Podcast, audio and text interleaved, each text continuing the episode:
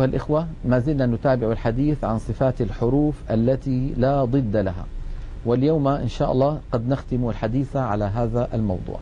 اليوم نتناول من صفات الحروف صفة ذكرها علماؤنا لحرف واحد في اللغة العربية وهو حرف الضاد. وهذه الصفة هي صفة الاستطالة. الاستطالة.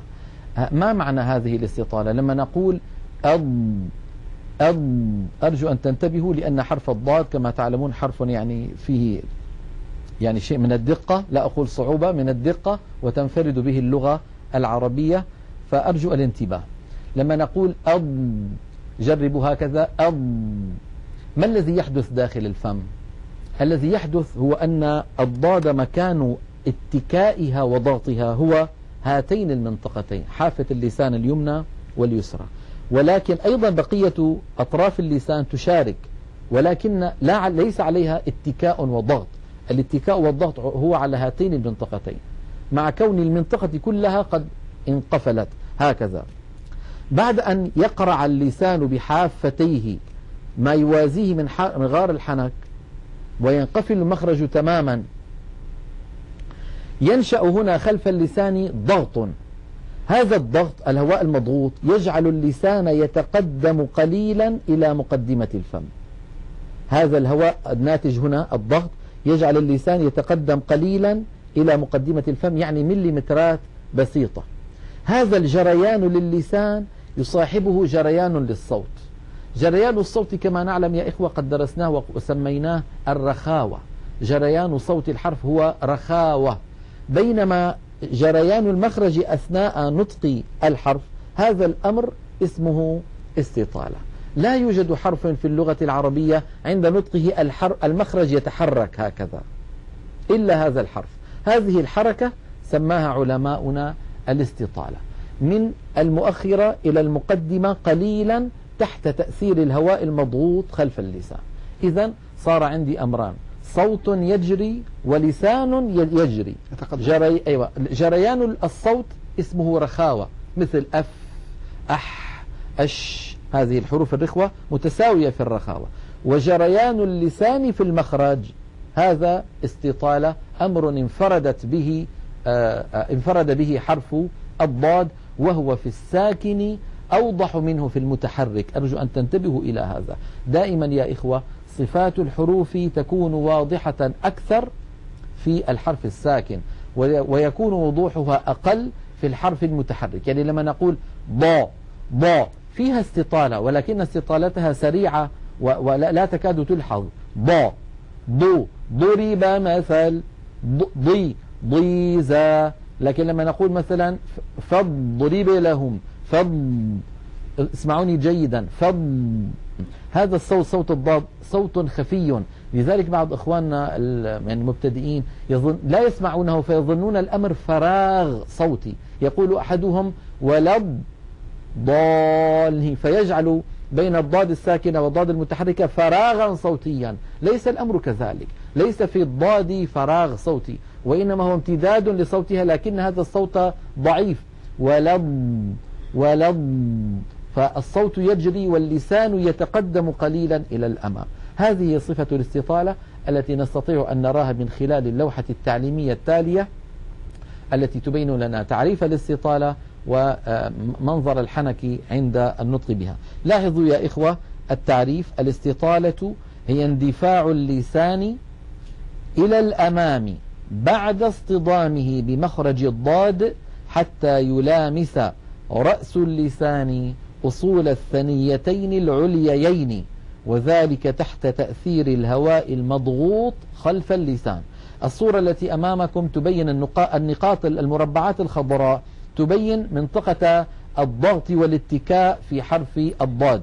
والمنطقة الصفراء تبين المنطقة التي لها مشاركة في إقفال المخرج ولكن لا ضغط عليها. الضغط على المنطقتين اللتين لونت المربعات فيها باللون الأخضر.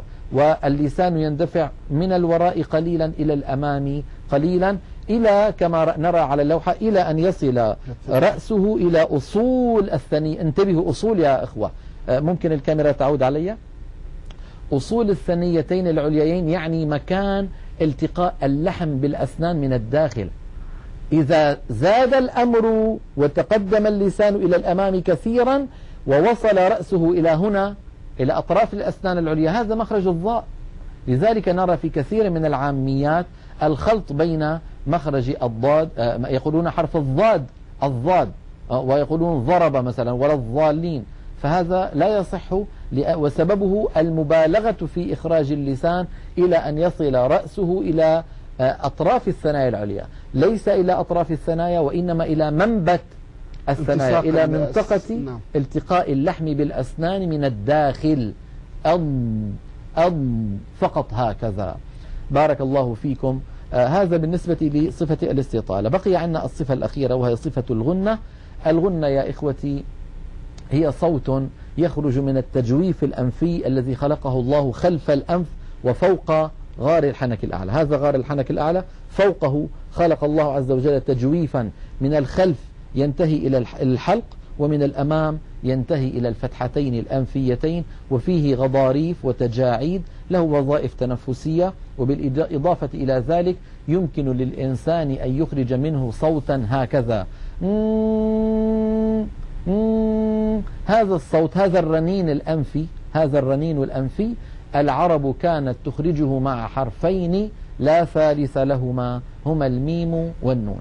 أم أن أم لاحظوا هكذا أم أن.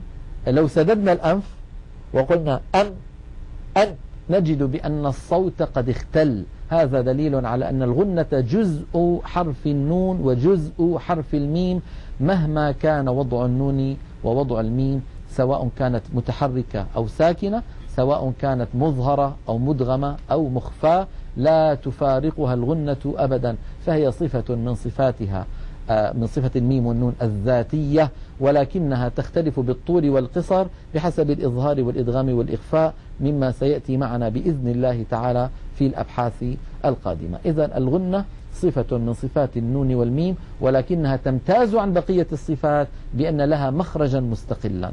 الصفات الأخرى ليس لها ليس مخارج. نعم. آه، من أين يخرج الإطباق؟ من أين تخرج القلقلة؟ من طريقة أداء. نعم. وإنما هي وصف للصوت. أما الغنة فصفة لها مكان تخرج منه وهي جزء النون وجزء الميم كما أسلفت من خلال اللوحة التعليمية. نرى كيف أن النون أن الغنة جزء النون وجزء الميم. نرى على الشاشة على اللوحة التي على اليمين كيف أن طرف اللسان يقرع مخرج النون عند المنطقة الزرقاء وأن الخيشوم الذي لون باللون الأزرق وفيه أسهم تدل على خروج الصوت من خلاله. بعد أن قرع طرف اللسان مخرج النون الأسهم تدل على خروج الصوت من فتحتي الأنف مقارنا لحرف الغنة.